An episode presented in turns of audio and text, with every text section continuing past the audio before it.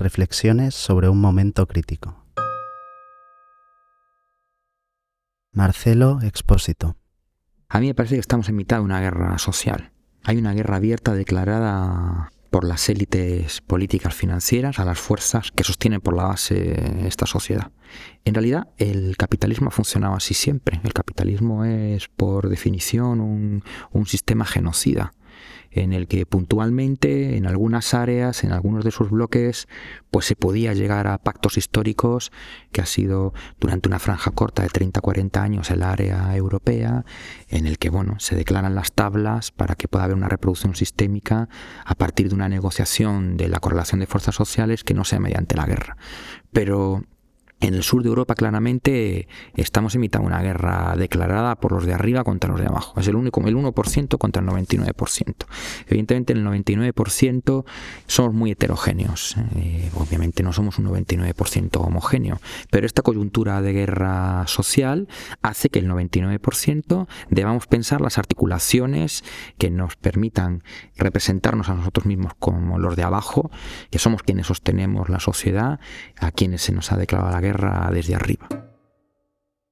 Hay todavía una cierta segmentación estratificada en nuestra sociedad que hace que haya sectores que todavía no perciben los efectos de esa guerra, otros que lo perciben pero en estado de shock como estamos todos, porque obviamente esta guerra, una de las estrategias que está siguiendo es claramente la estrategia del shock, 20 eh, noticias todos los días donde perdemos derechos que ya ni siquiera sabemos que estamos perdiendo, porque ni siquiera tenemos toda la información que necesitamos para entender exactamente qué es lo que está pasando, aunque solo fuera en la superficie, sobre todo las capas medias, las clases medias fundamentalmente, en sectores amplios no quieren exactamente darse cuenta de lo que está pasando. Lo que está pasando es que la generación de nuestros padres y de nuestros abuelos está perdiendo la poca acumulación de renta eh, que pudo tener a raíz de breve ciclo de trabajo de empleo estable de los años, pongamos, 50, 60 hasta los 80. Sucede que la correlación entre trabajo y desempleo va a ser completamente otra, eh, de una manera ya muy decidida en las próximas décadas, si no ganamos en esta guerra los de abajo. La correlación de trabajo-empleo en un sentido clásico va a desaparecer porque resulta obvio que el sistema financiero extrae renta, pone en valor todo aquello que aparentemente ni siquiera es trabajo. Los cuidados, las formas de vida, los estilos de vida, todo eso está siendo puesto en valor de una manera absolutamente violenta. Estamos viendo que la actuación de las élites políticas y financieras en esta coyuntura no es una actuación amable, es una actuación fuertemente violenta que está causando un deterioro, como digo, masivo, progresivo, cada vez más acelerado en nuestras condiciones de vida. La guerra a la que estamos asistiendo provoca muertes. Es una gestión biopolítica de la crisis que es una gestión biopolítica literalmente genocida. Ante esa situación, a mí lo único que se me ocurre plantear en el sistema de la cultura, en el sistema del arte, es eh, una suspensión temporal de actividades. En el sentido de decir, no podemos pensar que necesitamos los museos para hacer nuestras cosas porque las enfermeras de los hospitales no piensan que tienen que seguir haciendo sus cosas y los sectores universitarios concienciados no piensan que tienen que seguir haciendo sus cosas y los afectados por la crisis hipotecaria y por la emergencia habitacional no piensan que tienen que juntarse para resolver su problema. De la crisis se sale juntos inevitablemente. Es una situación de guerra. Entonces no podemos ni siquiera pensar salir por sectores no digamos ya por grupúsculos. Hay que plantearse literalmente casi un estado de excepción en todos los años de la vida. Hay que criar a los hijos en estado de excepción. Hay que dar clases en estado de excepción, hay que hacer arte en estado de excepción. No podemos plantear arreglos intermedios por los que podamos seguir haciendo más o menos lo que hacíamos con unas estructuras más o menos modificadas. ¿Cómo podemos estar quejándonos de que no hay dinero para financiar nuestro trabajo si nuestras condiciones de vida están tan pauperizadas que no sabemos, por ejemplo, cómo sacar adelante a nuestros hijos? Qué va a suceder cuando, por ejemplo, mis padres empiecen a estar enfermos en los últimos años de su vida. Yo el año pasado me estuve meses generando redes de solidaridad dentro de nuestro espacio afectivo y político, atendiendo a compañeros en depresión, turnándonos en nuestras casas a gente que repentinamente se quedaba sin vivienda y porque igual está en alguna lista de morosidad no podía acceder a alquilar una vivienda a través de inmobiliarias, o gente que de repente pues sufría en su casa, en alguno de los barrios donde estamos viviendo, en el Raval, o en Poblesec, el robo, por ejemplo, de su equipo de trabajo, eh, que seguramente se lo robaba algún vecino que estaba más pobre todavía que él y tardaba, si podías tardar 6, 7, 8 meses en volver a recuperar tu equipo para poder seguir trabajando y necesitabas trabajar con el equipo de los compañeros para poder salir adelante con el trabajo que tienes pendiente. Yo mismo he tenido que estar teniendo la red de solidaridad de gente cercana para sacar no solamente el trabajo adelante, sino para poder estar con mi hija o atender a gente que tenía en casa que circulaba por Barcelona. Es decir, en esa situación, ¿cómo podemos estar discutiendo qué se hace con los museos? ¿Cómo voy a sacar adelante mi trabajo como artista? A mí me parece que literalmente hay que declarar una suspensión de actividades que no vayan dirigidas a estos que estamos haciendo ahora a través de las herramientas que son nuestras, plantearnos pensar sobre la situación. Porque esto que estamos teniendo en esta conversación es declarar un estado de excepción. Es decir, vamos a utilizar las herramientas que tenemos, los espacios en los que trabajamos, la inteligencia colectiva que de una manera u otra acumulamos en un saber hacer técnico, formal, estético. Lo que estamos haciendo en esta conversación es eso, declarar una, una suspensión de actividades para poner lo que sabemos hacer al servicio de pensar juntos una situación de urgencia y pensar en articulación con lo que están haciendo otros sujetos en otros espacios. Eso fue el 15M. Una gran explosión en la que muchos sujetos repentinamente se vieron en articulación con otros que estaban sintiendo algo parecido a nosotros desde otras condiciones, desde otros espacios de trabajo, desde otras subjetividades. Eso fue el 15M. Descubrir que no estábamos solos. Eso es lo que creo que tenemos que hacer también en el sistema de la, de la cultura.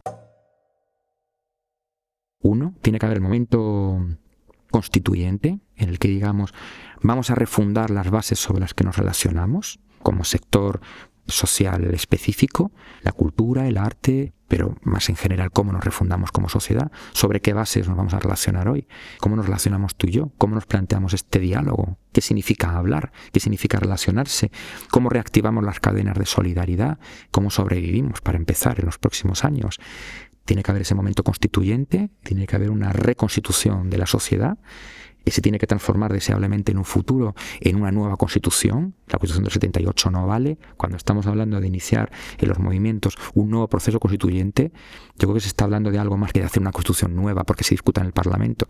Estamos hablando de reorganizar la constitución material de esta sociedad, ver cuál es la nueva composición de fuerzas, que siente un nuevo pacto constitucional en la base de la sociedad, que eso tenga un reflejo jurídico y luego tiene que haber el momento instituyente, que es construir instituciones de nuevo.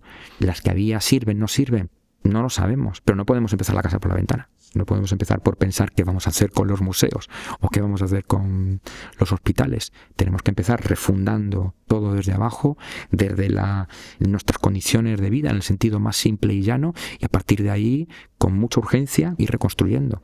Porque la guerra no se va a acabar porque miremos para otro lado y tampoco la vamos a solventar resolviendo nuestros problemas personales, nuestros problemas de grupo o nuestros problemas de, de sector.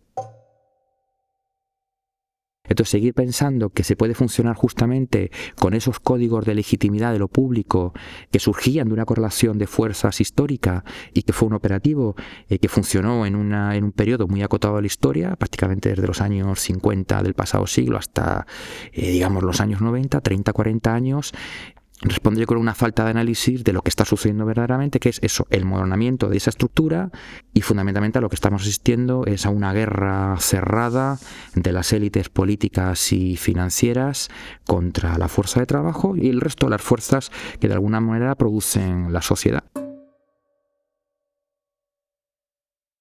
A mí me parece que la falta de un discurso y de un análisis articulado de cuáles son los síntomas que en el contexto específico de la cultura nos dan pie justamente a constatar el desmoronamiento de esa estructura que resulta del pacto histórico del estado del bienestar, la incapacidad para leer esos síntomas, me parece que tiene que ver en nuestro contexto más localizado con la disociación muy fuerte que desde los años de la transición ha habido entre el sistema de la cultura y el subsistema artístico, por así llamarlo, y las formas de conflicto que han puesto en cuestión la forma sui generis que el estado del bienestar adoptaba en nuestro país a la salida del franquismo, notablemente a través de los pactos de la transición. La cultura ha sido justamente uno de los lugares donde de manera más clara se ha escenificado el sostenimiento del sistema político de la transición.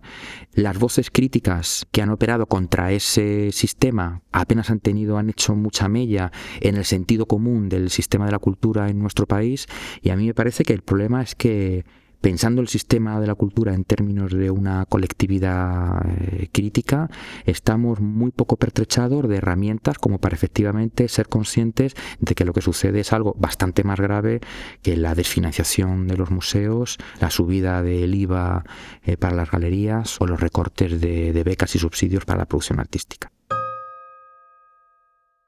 del sistema de la cultura en nuestro país, prácticamente del subsistema del arte, ha estado prácticamente ajeno a, algunos de los momentos de ruptura que podían parecer minoritarios, pero que son ahora los que han generado las resonancias que han acabado produciendo el 15M como fenómeno social amplio, ¿no?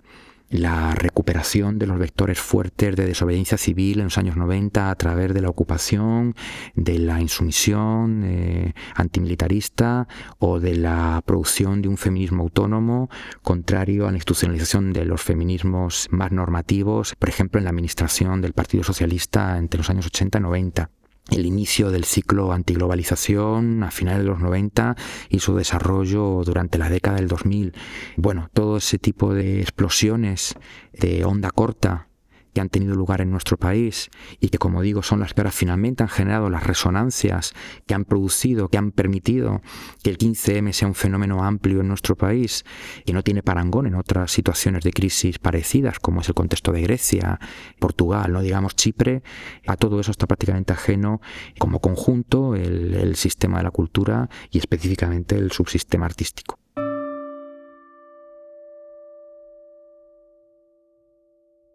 Por otra parte, a mí me parece que desde el sector del arte y de la cultura, público es una palabra sin contenido, en realidad. Me parece que se hereda hasta hoy en el sistema del arte una concepción muy ya banalizada de lo público, de acuerdo con el cual la cultura, el arte de por sí eh, constituyen un bien para la sociedad. Eso no es una verdad autoevidente.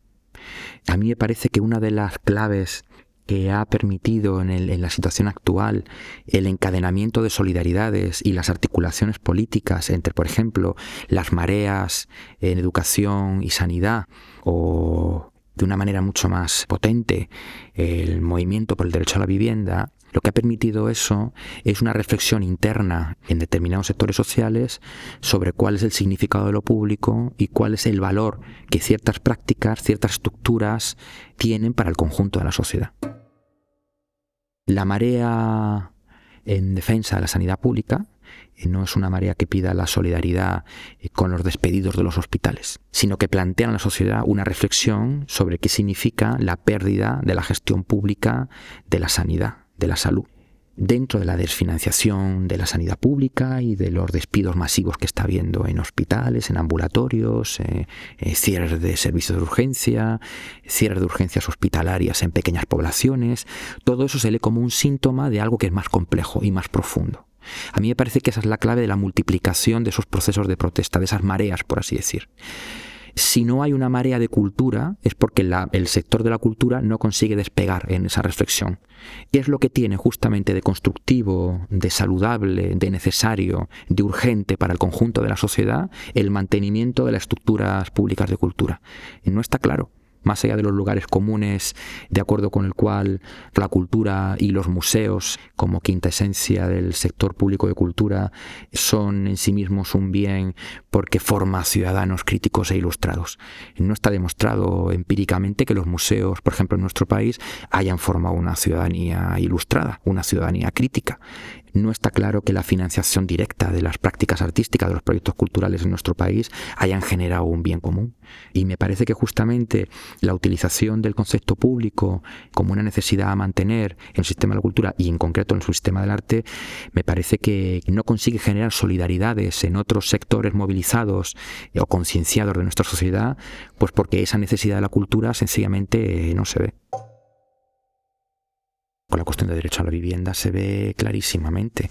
Un movimiento que tiene uno de sus núcleos fuertes o su núcleo más fuerte en los últimos cuatro años en los afectados por hipotecas consigue despegar desencadenando eh, una cadena de solidaridades que va más allá de la solidaridad con los afectados. Yo creo que han generado una conciencia colectiva muy importante sobre la, necesidad que tenemos en un deseable escenario post-crisis, post-neoliberal, de que la vivienda sea efectivamente, como la Constitución española reconoce, un bien de primera necesidad que esté fuera de los intereses del mercado. Y también han generado, yo creo, una conciencia muy fuerte de cómo, por ejemplo, la vivienda eh, es uno de los mecanismos hoy día de sustracción más importante, de acumulación por desposesión del sistema financiero sobre las clases trabajadoras. Pues bien, ese tipo de, reflexiones y ese trabajo político de elaboración más compleja en el sector de la cultura, en el, subsistema artístico, eh, me parece que no se ve.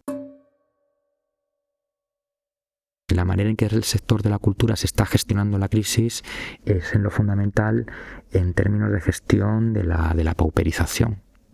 Es decir, los sectores intermedios que en las universidades que están vinculadas al sector cultural, bellas artes, eh, historia del arte, en los museos públicos, básicamente lo que nos estamos encontrando es, por una parte, una actitud deprimida con respecto a la pérdida de sentido que empieza a tener la gestión cultural en un sector progresivamente desfinanciado y cada vez más abocado a estar en manos del mercado, del sector financiero, pero en la práctica lo que estamos asistiendo es que ese mismo discurso de queja se acompaña de literalmente una gestión de la miseria hacia abajo, despidos sistemáticos en el sector público de la cultura, una pauperización creciente de las condiciones de trabajo, en el concreto en la universidad, clases en la universidad pública, estamos formando ya literalmente una generación de ni siquiera de parados, sino directamente de sujetos que van a hacer que con las herramientas que les estamos enseñando, estar sometidos directamente a la pauperización de sus condiciones de trabajo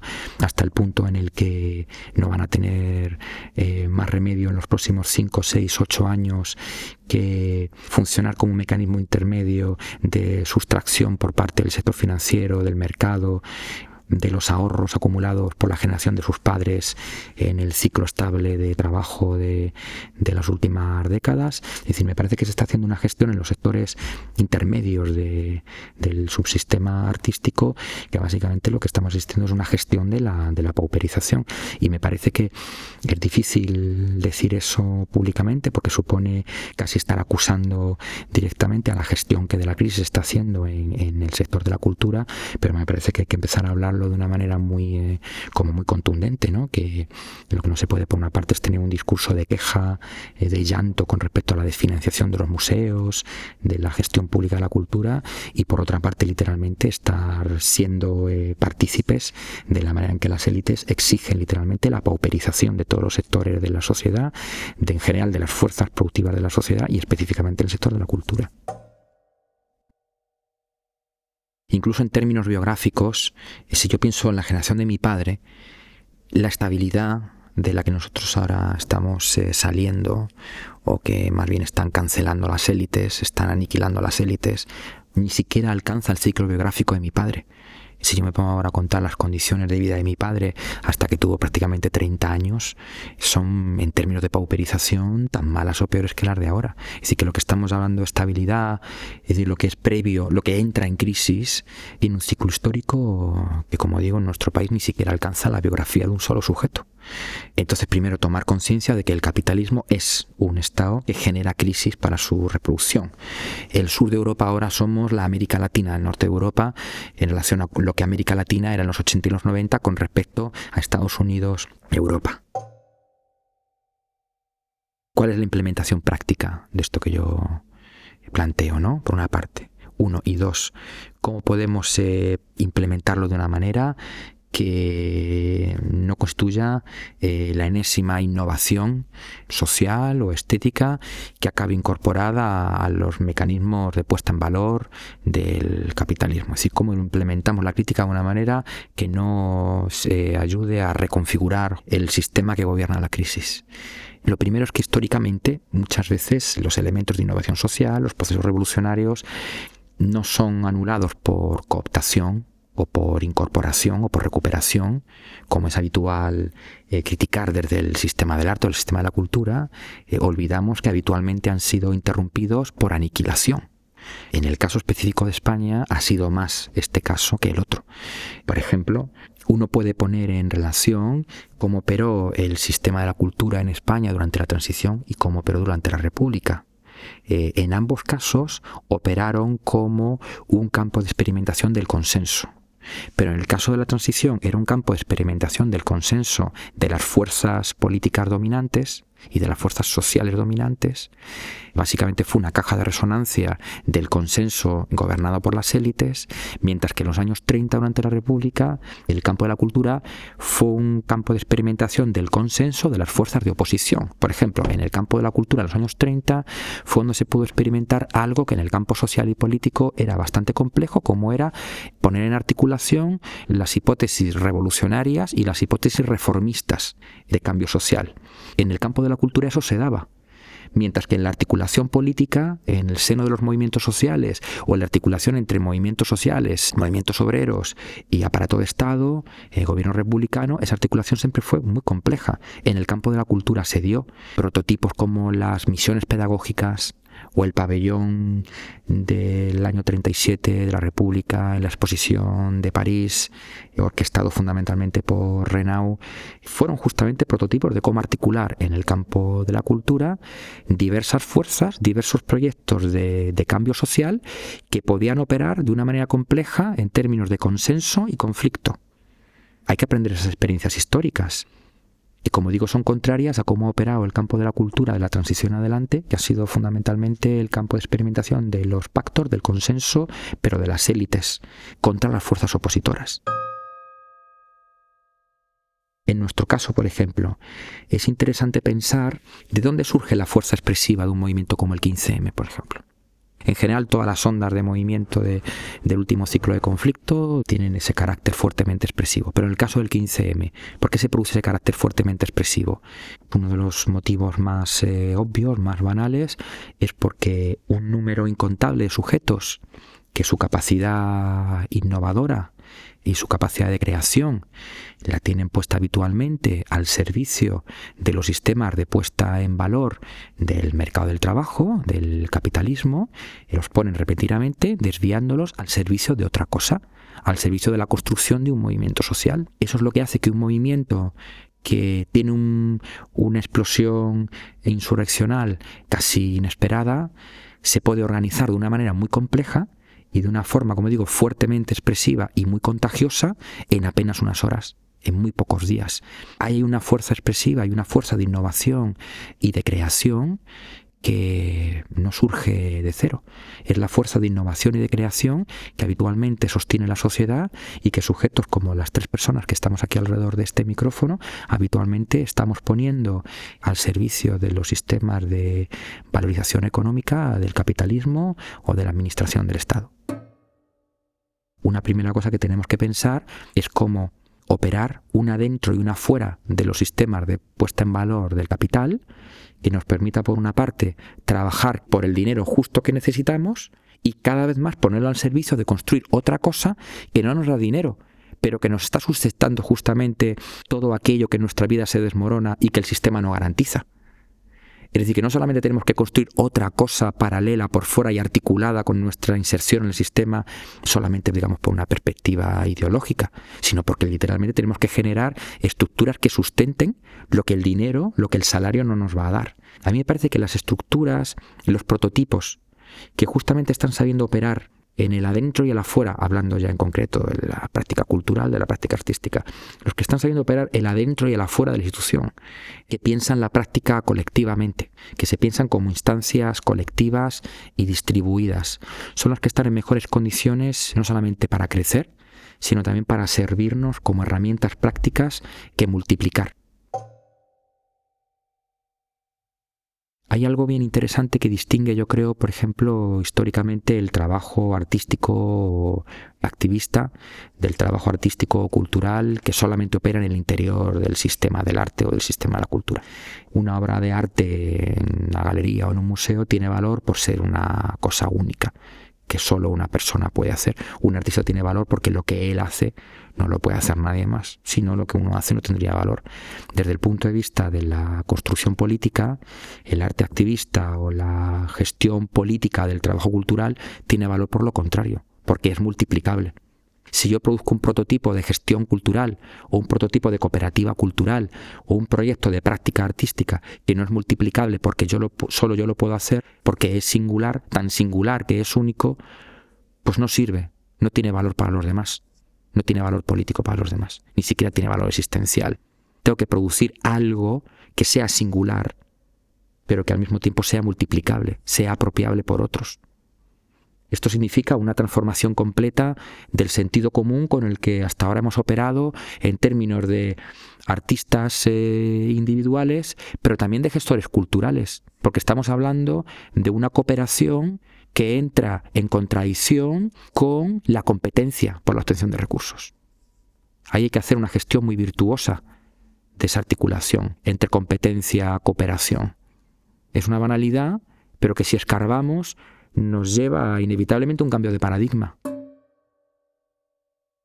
Yo creo como que había que empezar con preguntas muy básicas. Eso, eh, cultura, ¿qué es cultura? ¿Qué significa cultura? La cultura es lo que producimos los especialistas del sector de la cultura.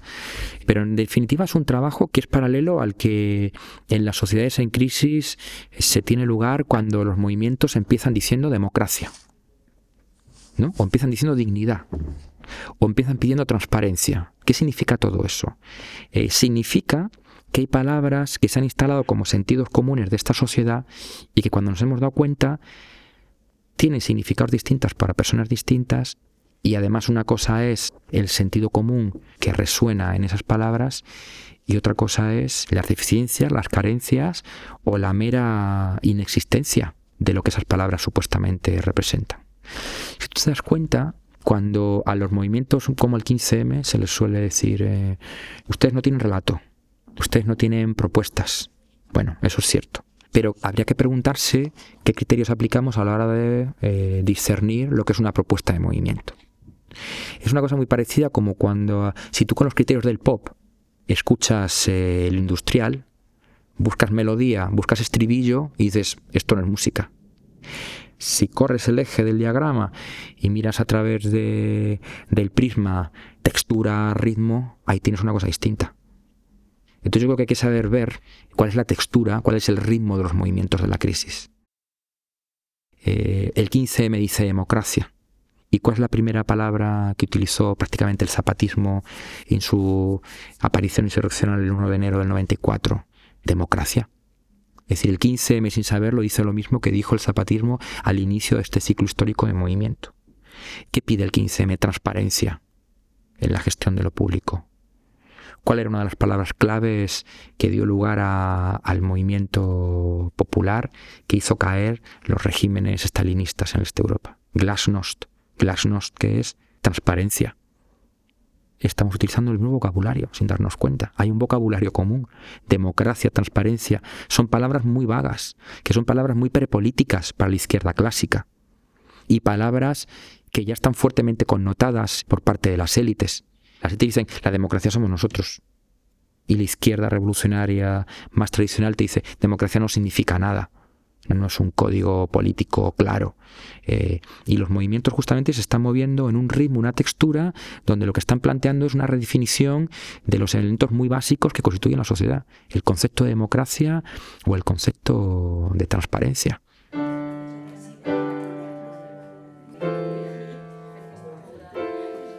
Daniela Ortiz. En cuanto a la situación de crisis, digamos, obviamente siendo peruana uno tiene otra perspectiva porque se vive una crisis sistémica constante, pero creo que hay un factor determinante muy importante que es un factor que han manejado mucho los medios que es el anunciar que hay una crisis y el generar un estado social de alarma, a pesar de que quizás en el momento concreto en el que se genera este estado social de alarma no está habiendo una situación económica tan crítica como la alarma, digamos, ¿no? En un principio la crisis comenzó mediáticamente de manera muy fuerte, o sea, en el año 2007 eh, hubo toda esta discusión, ¿no? Con Zapatero de que si había o no había crisis y, y él lo negaba a nivel mediático y puede ser o sea que sí había un momento en el que se avecinaba una crisis, pero ya no estaba instalada a nivel económico todavía. Digamos, no se habían dado los recortes, no se habían tomado las decisiones ni nada, ¿no? Entonces, por el contrario, por ejemplo, ahora en Perú hay una especie de crecimiento económico brutal, muy relacionado al momento de crisis acá, porque es un país que produce materia prima, en concreto minerales y en concreto oro. Y durante el crack del 29 también, por ejemplo, fue una época de bonanza económica allá. Entonces, como que funciona un poco a la contraria. Y es muy fuerte porque se habla allá mucho del, digamos, del milagro peruano, ¿no? Una situación así en donde todos están muy bien y no sé qué. Y en realidad, económicamente y la calidad de vida es muchísimo peor que acá. Pero a nivel psicológico se ha manejado a la población de una manera, se le ha impuesto una idea de que se está viviendo mejor ¿no? Entonces hay una actitud, pues a la gente les es mucho más fácil contratar a alguien, les es mucho más fácil invertir en algo, les es mucho más fácil pensar que está viviendo una buena situación económica, ¿no? Obviamente también hay una diferencia tremenda entre lo que uno, haber crecido y vivido en un estado del bienestar es completamente distinto, a pesar de, la clase social de la que vengas, es completamente distinto a pertenecer a una sociedad, a un estado del bienestar, ¿no?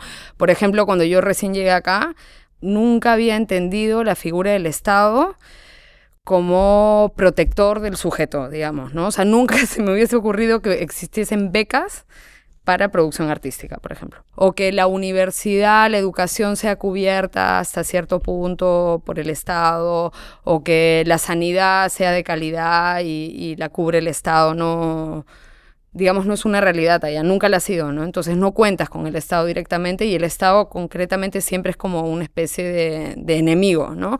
Y es interesante ver que ahora que hay una situación económica buena, entre comillas, en Perú, el Estado ha empezado a funcionar otra vez y a querer cuadrar en la sociedad. Y eso ha generado también otra serie de conflictos, ¿no? Porque un montón de espacios, como por ejemplo la minería, ¿no? Entonces, ellos quieren entrar a cuadrar y a fiscalizar la minería y a controlar la minería, cuando eso ha estado funcionando por su cuenta durante muchos años, ¿no? Entonces, eso genera un montón de, de problemáticas y todo el tema de cómo el Estado se gana la confianza de la gente y cómo entra a existir. Es muy contradictorio. El reclamo está en que vuelva a lo anterior, digamos una especie de reclamo reformista, queremos lo que teníamos. Cuando reclamo lo interesante sería, queremos vivir una buena calidad de vida, pero sin el sistema que teníamos antes, ¿no? Entonces, como es, a mí me parece muy, muy complejo reclamar, por ejemplo, por el sistema educativo, ¿no? Pero a la vez el camino por el que te lleve ese sistema educativo es el camino para que pase esto. Ahora es mucho más agudo, ¿no? O sea, el plan Bolonia, pues es muchísimo más fuerte el hecho de que van a formar empresarios directamente y van a formar solamente gente que sirva a nivel económico para el sistema, ¿no? Entonces, creo que también es un buen momento para repensar todos esos, esos modelos, ¿no? O sea, aprovechar realmente que son modelos que están en crisis, pero no para ir a ahondar, digamos, más en un modelo capitalista y pues ir hacia, hacia otro lado. En relación al tema de, digamos, eh, la noción de crisis desde el punto de vista europeo y desde el punto de vista global, un tema con el que vengo trabajando bastante junto con José Quiroga eh, en relación al tema migratorio es, por ejemplo, la situación de que por qué dentro de los reclamos de los movimientos sociales europeos a raíz de la crisis económica, la situación migratoria no es uno de los pilares de estos movimientos. Sí está de manera así como que anda por ahí, digamos, pero no es uno de los pilares cuando es la población que peor le está pasando. Y en donde ya no estamos hablando de una cuestión de derechos civiles o de derechos, o sea, estamos hablando de una cuestión en muchos casos de vida o muerte, ¿no? Como en el caso de las fronteras.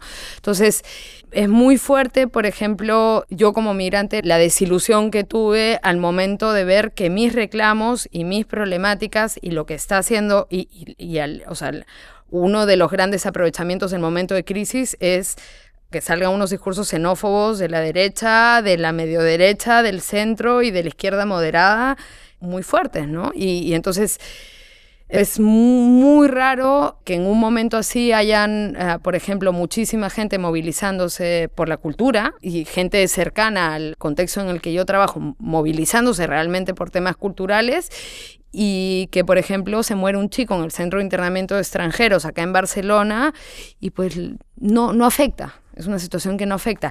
Y esa víctima es igual de víctima que la persona española que está sufriendo ¿no? Yo que sé, el recorte de sus derechos por la crisis, ¿no? Pero creo que son niveles muy diferentes, ¿no? O sea, en, el tema migratorio estás enfrentado a 15.000 desaparecidos, o sea, 15.000 personas sin nombre y apellido, al Estado español, a la Unión Europea y los Estados miembros que no están dando respuestas sobre estas personas. Hay muy poca gente que esté reclamando por la gente que está muriendo en frontera o en, en la estructura de control migratorio, ¿no?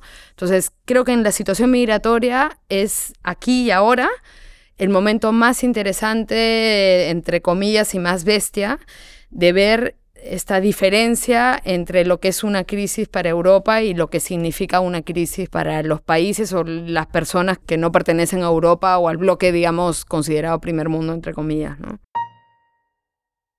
El hecho de no incluir el tema migratorio es por un miedo a cuestionar el Estado-Nación, porque si tú incluyes al, solicitante de asilo, al migrante, a la pátrida, dentro de todo esto, pones en jaque la soberanía nacional. Y soberanía nacional es algo que se está reclamando ahora frente a la Unión Europea.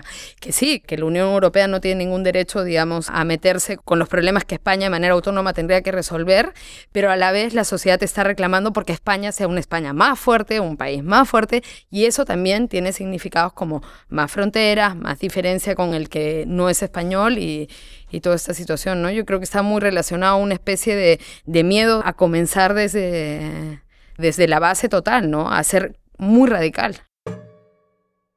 A mí me criaron en un estatus social y para pertenecer a un estatus social que necesita económicamente y necesita, digamos, de un tipo de vida lleno de cosas y de dinero.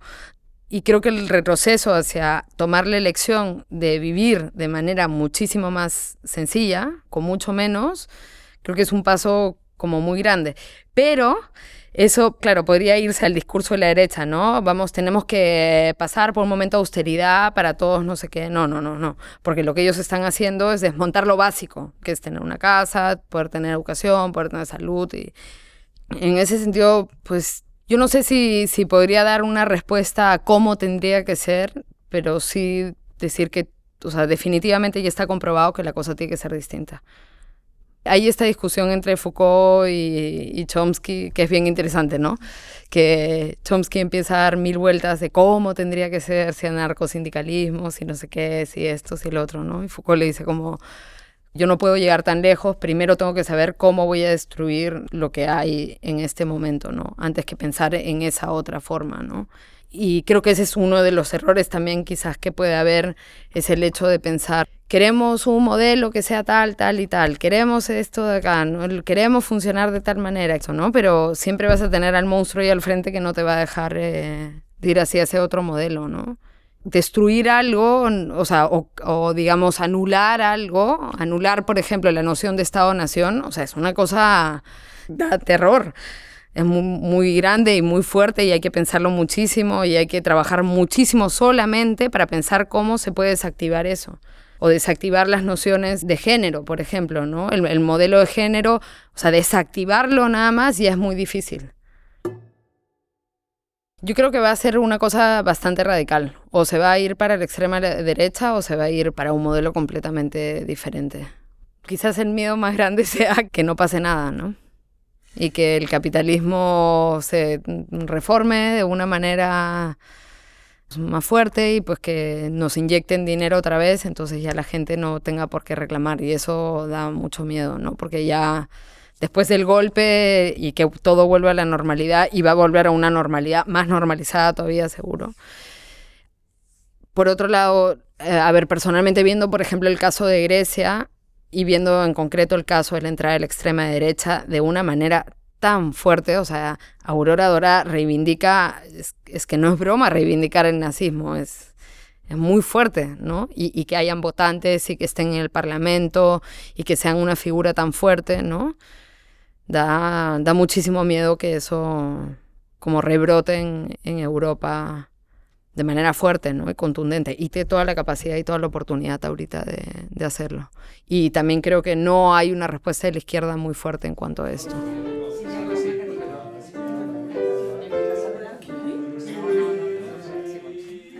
Miguel Noguera. De Miguel Noguera, enviado el miércoles 10 de julio de 2013 1237 para Ana Ramos, asunto, respuesta, propuesta RWM. Aquí va el texto del, mail. Hola Ana. Bueno, como te comenté, no tengo nada al respecto, pero bueno, he redactado un texto metalógico que resume todos los puntos. En estas situaciones suelo llegar a un cul-de-sac que ni fu ni fa. Si te interesa, puedo leerlo ahí. Si no, nada, lo entenderé perfectamente, claro. Aquí te lo dejo. Y aquí empieza el texto que, he escrito. Hola, soy Miguel Noguera. Me piden un aporte para esta serie sobre los tiempos de crisis y quizás sea el menos indicado de la Tierra para opinar o analizar nada, la verdad. Entre otras cosas, soy bastante sumiso, sedentario, indiferente, ignorante, egocéntrico y ermitaño. Eh, es cierto esto, solo quiero que me dejen en paz con mis epifanías. Y un rollo contemplativo muy desapegado, aunque luego soy un estómago agradecido. ¿eh? Me gustan los hoteles y que me sirvan. ¿A quién no? Eh, los que me conocen saben que es así, no estoy bromeando. Pero bueno, en fin, uh, la crisis. Uh, literalmente los de la radio del MACBA me piden una voz surrealista, una voz surrealista. Buscan un... Los niños y los locos siempre dicen la verdad. Así que estáis ante la, la carta del loco del tarot. También ante la del ermitaño, cuidado. El ermitaño es consultado sobre la crisis, con la barba atada a la cintura. Fuera de mi gruta, dejadme en paz, no quiero líos. El loco es consultado sobre la crisis, con un ojo de cada color. ¡Ay! La crisis. Ayer vino un caballo y se quemó la pechera. En fin, que canta como disparates el loco, ¿sabes? No, no dice nada concreto sobre la crisis. Uh, no sé, si busco entre mis anotaciones así algún pasaje en el que se mencione la crisis, no encuentro nada. Bueno, aparte de algunas cosas muy tangenciales como cola para quemarse a lo bonzo, formación de una cola para algo tan radical, esperar tu turno en una fila ordenada para quemarte vivo.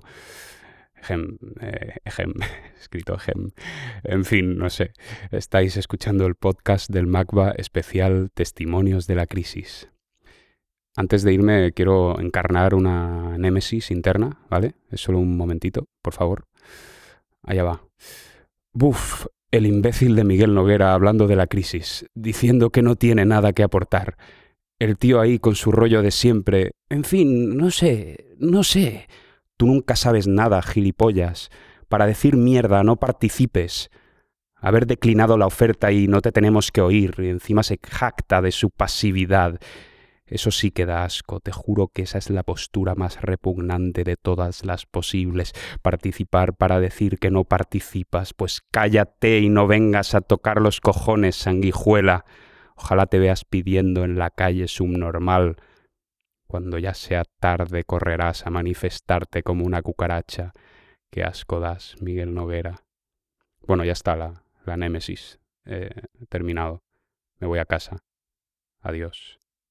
Así termina el texto. Y el mail termina diciendo, en fin, es esto, no sé, ja, ja, ja. Bueno, lo que veas, cualquier cosa que haga al respecto irá en esta línea. Abrazos.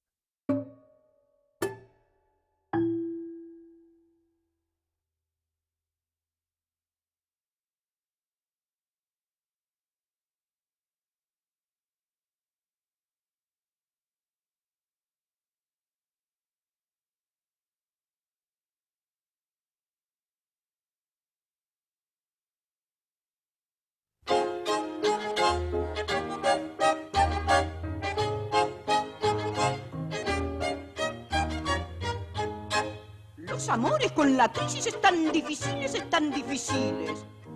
Y los muchachos se hacen los giles. Se acabaron los regalos y los que te adoran y los que te adoran. Hoy te elaboran de conversación. Te dan amor y amor. Te tienen sin morfar. Te dicen que querer es querer y no formar. Los vestidos no los ves. No ligas. Y en llegando a fin de mes, de cabeza te clavas.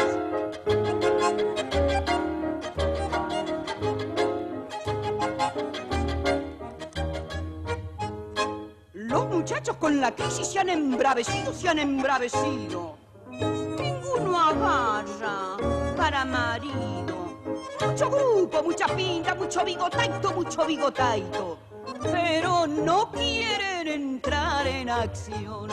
Hoy los muchachos muy finos y atentos trabajan con cuentos a la pompadour toda su fortuna y el sol y la luna y si vas entrando te largan mirando, mirando pa'l sur. Los amores con la crisis están difíciles, están difíciles y los muchachos se hacen los giles. Se acabaron los regalos y los que te adoran y los que te adoran. Hoy te elaboran de... de conversación.